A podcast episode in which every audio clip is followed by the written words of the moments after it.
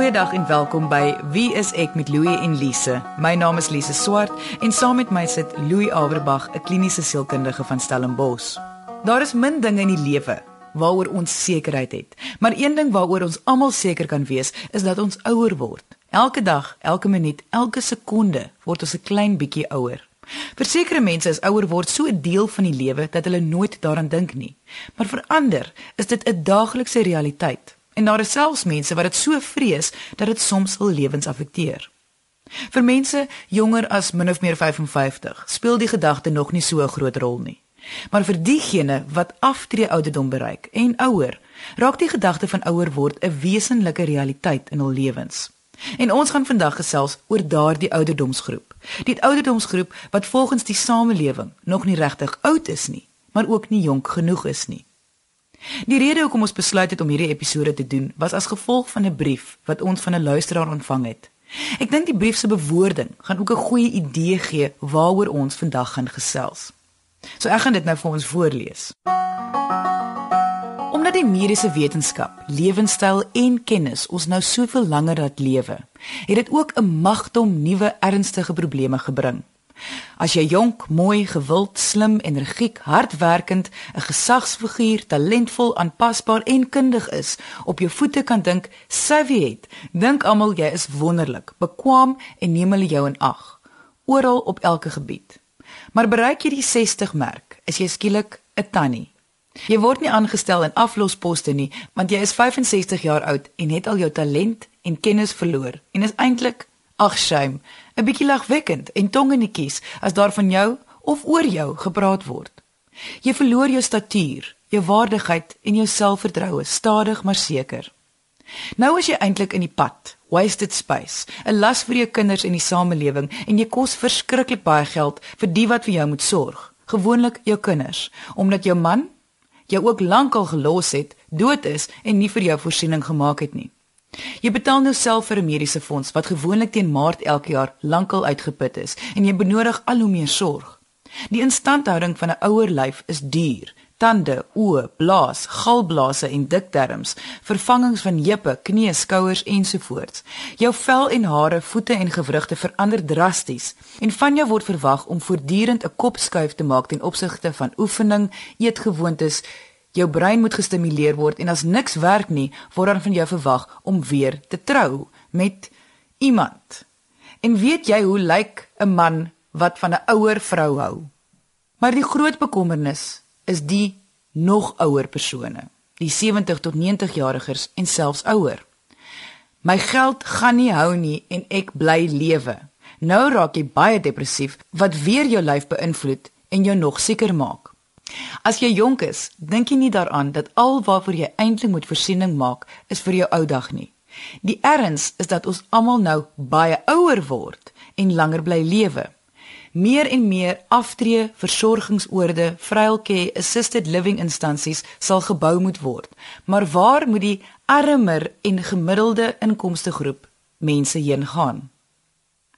Ou mense is bang, bevrees angstig, bekommerd en baie depressief. Jy kan ook nie net doodgaan wanneer jy wil nie en jy leef baie lank. Dit is die probleem van ons tyd en gaan nog baie groter word. Louis, as jy nou die brief luister, wat is jou eerste gedagte? Ja, mens is amper sprakeloos, nê? Nee. Want want die skryfster van hierdie brief bewoord dit so goed en ek dink sy slaan die spyker op die kop. Ons sit in 'n samelewing waar mense van hierdie ouderdomsgroep skielik nutteloos raak, baie vinnig nutteloos raak of behandel word deur die samelewing. Terwyl dit eintlik van jou sterkste en mees ervare mense is. So dis baie hartseer. En ek dink sy verwoord daar iets wat baie mense ervaar. So jy voel ook dit is 'n baie groot probleem. Dis 'n baie groot voorkoms en ek dink baie mense in hierdie ouderdomsgroep voel so, dit is verseker. Ons gas vandag is 'n vrou van 70. Haar naam is Corlia. Sy is afgetree en woon saam met haar man in 'n aftreeoord kompleks. Ons het haar sommer net gaan hoor hoe voel sy en die mense om haar oor ouer word. Kom ons hoor wat sy van die brief gedink het. Wat hier gesê word dat 'n mens baie bang is dat jy langer gaan lewe as wat jou geld hou, is 'n wesenlike probleem soos in elke stadium van jou lewe, beïnvloed jou materiële toestand, situasie, jou jou lewenskwaliteit. Dit is maar eenvoudig so. Ehm um, en ek dink as jy ouer word, beïnvloed jou materiële toestand dit jou persoonlike verhoudings miskien nog meer en jou gesondheid. En dan saam met die persoonlike verhoudings gaan eensaamheid. Ek dink vir baie ou, ouer wordende mense is eensaamheid 'n baie groot probleem. En saam met die eensaamheid die gevoel dat jy nutteloos is, dat jy nie meer van waarde is nie. Jy luister na Wie is ek met Louie en Lise op RSG 100 tot 104 FM. Hoe kan iemand wat hul hele lewe 'n bydrae tot die samelewing gemaak het, maak nie saak hoe hulle dit gedoen het nie, nutteloos voel in die tyd waar hulle nou kan en mag ontspan en rustig wees? Ja, dit klink amper nie logies nie, maar dit is wat gebeur. Baie mense tree vandag af op 55. Partymal half gedwonge, maar andersins dan op 60. En dis presies soos wat ons brief vir ons sê. 50 jaar terug was 60 oud. Dit is nie meer nie. Selfs 70 is nie meer stokoud in vandag se terme nie, want die mediese wetenskap is baie beter. So jy sit eintlik dan met iemand wat nuttig was, wat amper die voorste burger, die pasaangeers van die samelewing was tot baie onlangs nog. En nou skielik nie meer is nie amper asof jy jou senioriteit jy jy het amper jou nut verloor, jou waarde verloor. Terwyl in wese is daai waarde nie regtig weg nie. Dit word net nie meer toegepas nie of die samelewing sien jou nie meer as nuttig. So dis asof jy amper by die vraag net by jouself moet uitkom, wie is ek nou? Ja, teenoor wie ek was. Mm. En al was jy dieselfde persoon, jou omstandighede het heeltemal verander. Jy's nie meer in die game nie. Jou probleem is die vorentoe kyk. Die vorentoe kyk want jy weet ehm um, vorentoe is dit is dit afskeid. Dis almekaar afskeid neem. Dis afskeid neem van jou goeie geheue, dis afskeid neem van jou soepelheid, dis afskeid neem van vriende, dis afskeid neem van jou huis, die ergste van jou lewensmaat en dit is ongelukkig ook in 'n baie groot mate afskeid neem van jou kinders want hulle lewe hulle eie lewens. En partykeer is jou kind hier langs jou en dan kyk sy of hy na jou met die oë van 'n vreemdeling.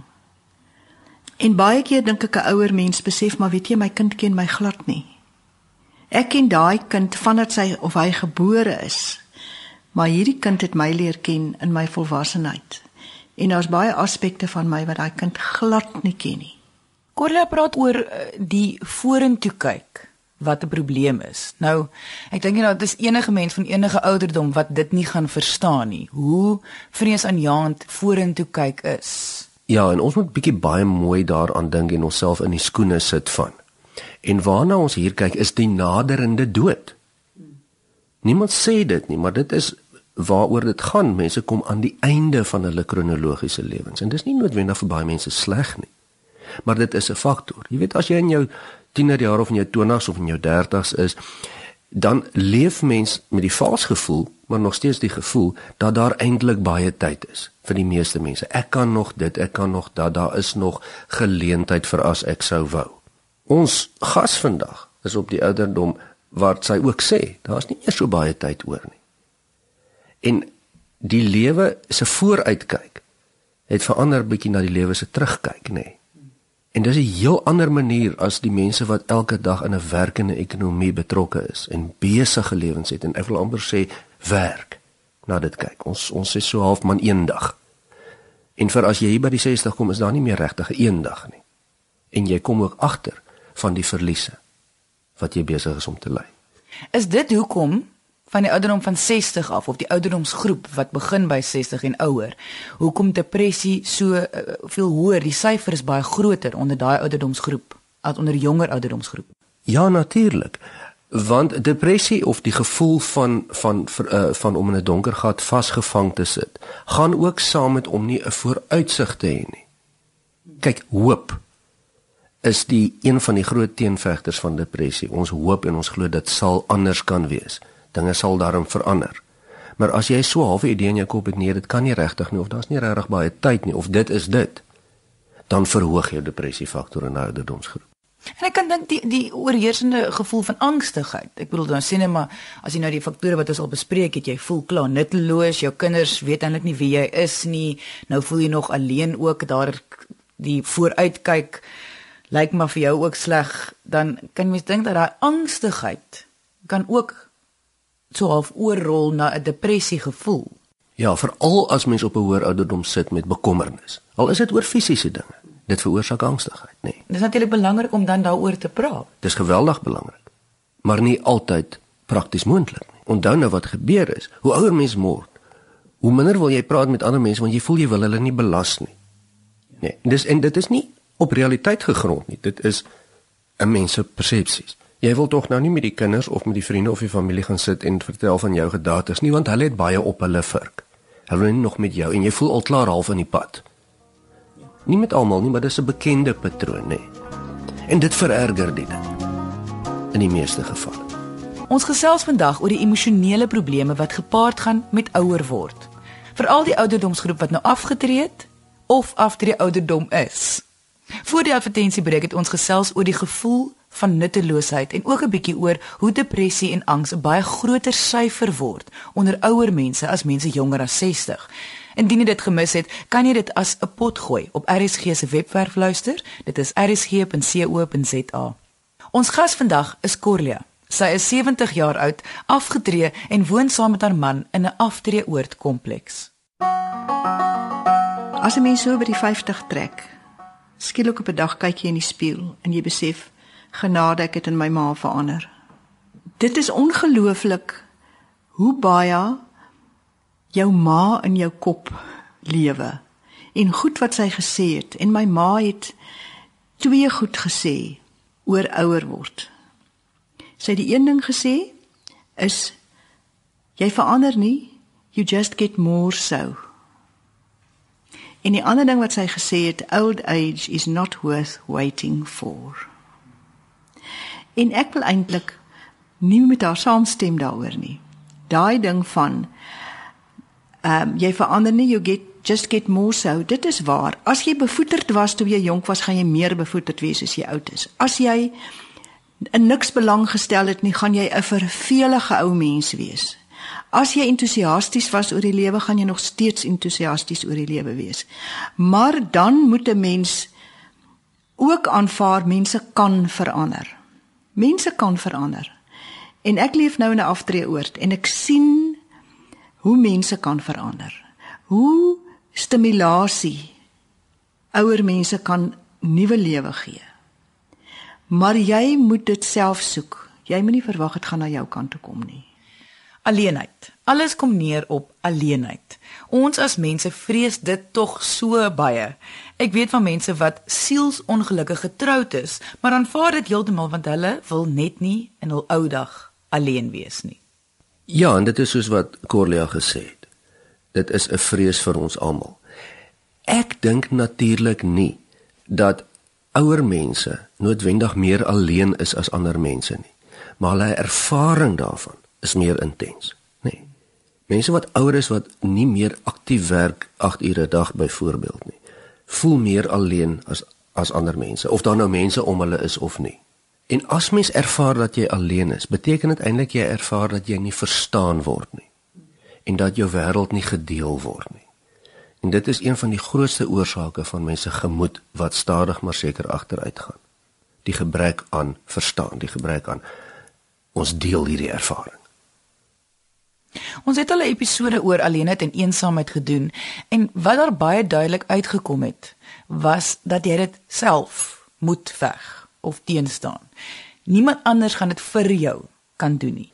Ja, en dis natuurlik weer baie maklik om te praat, nê, nee, en vir sommige mense is dit baie makliker. Maar alleenheid is nie 'n aanduiding van hoeveel mense in jou lewe is nie. Dit is 'n aanduiding van hoe jy voel. So dit op daai vlak ja, hang dit van jouself af. Maar maklik is dit nie. So mense wil eintlik so half sê dat wanneer dit nie regtig deel van jou geaardheid of jou persoonlikheid is om baie mense in jou lewe te hê en so nie omdat jy as 'n ouer persoon meer geneig gaan voel om alleen te wees sal mens amper so half sê dat hulle moet hulle self dwing om miskien deel te raak van 'n groep kry interaksie waar dit vir jou sin maak jy's dalk nie 'n groepsmens nie al moet jy nou oor 'n foon 'n boodskap stuur of of 'n e-pos of met iemand net oor die foon gesels dit gaan daaroor om koneksie te maak en mens voel mos jy wil nie ander mense pla nie En dis waar die probleem inkom. Maak daai koneksie, jy's geregtig op koneksie. Jy het mos nou al ten minste 60 jaar geleef of wat dit ook al is. Dit gaan weer hier oor sin. Vir mense wat in vandag se tyd, kom ons sê by hulle 60s en ouer is, kom uit 'n generasie uit waar mans meer gewerk het. Ek praat van amptelike beroepe, nê, nee, amper half die geld verdien het. En dit is waar dink ek jy wat Corlia sê dat dit vir hierdie generasie vir vrouens makliker is op 'n manier want hulle hoef nie hulle self so hard te bewys het in die tydperk waar ons nou is soos mans nie. So ek ek vind ook baie keer dat as mans vind ouer word baie swaarder want hulle kan hulle self meer bewys nie. Is nie so sterk nie. Of hulle kan nie meer die werk nuttig doen of uitsblink nie, nê, of die broodwinner wees nie. Terwyl vrouens meer gemaklik en makliker presies soos Corlia sê kan uitreik en miskien bietjie kan lag oor ons swakhede. Ja, so mans oor die algemeen kry bietjie swaarder hoe ouer hulle word. Maar dis ons eie skuld ook. Ons hoef nie al so binne te hou nie, want ons wil ook lekker kan gesels met ons vriende of ons lewensmaats of familie as ons 60 60 is en hulle moet daarom met ons wil teruggesels. Die stresse is om vergeet te word. Om nie meer belang, nie ek sal nie sê belangrik nie, maar om nie meer ernstig opgeneem te word nie, om geïgnoreer te word. En ongelukkig sien 'n mens dit. En ek dink ook Ehm um, 'n mens, 'n vrouens vind dit makliker as mans. Want vrouens het het half meer stokperdjies. Ek dink nie vrouens definieer hulle self so baie in terme van hulle werk as mans nie. En ek sien dit hier in die aftreeoord.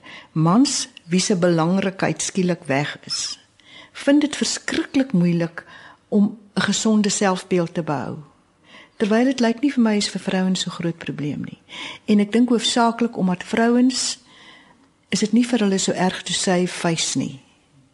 En hulle ondersteun mekaar makliker en praat makliker met mekaar. En daar is net eenvoudig iets soos 'n sisterhood. En uh uh um ek dink vrouens kry dit baie makliker reg om vir om vir mekaar te lag en vir hulle self te lag. En hulle het Wel my vriendinne het regtig gesens of the ridiculous. En ons kan lag vir ons vetter wordende lywe en ons seere en ons grys hare en ons gehoorstukke en al sulke dinge. Al wat ons sê wat is nog kort is houtbene en dan gaan dit nou.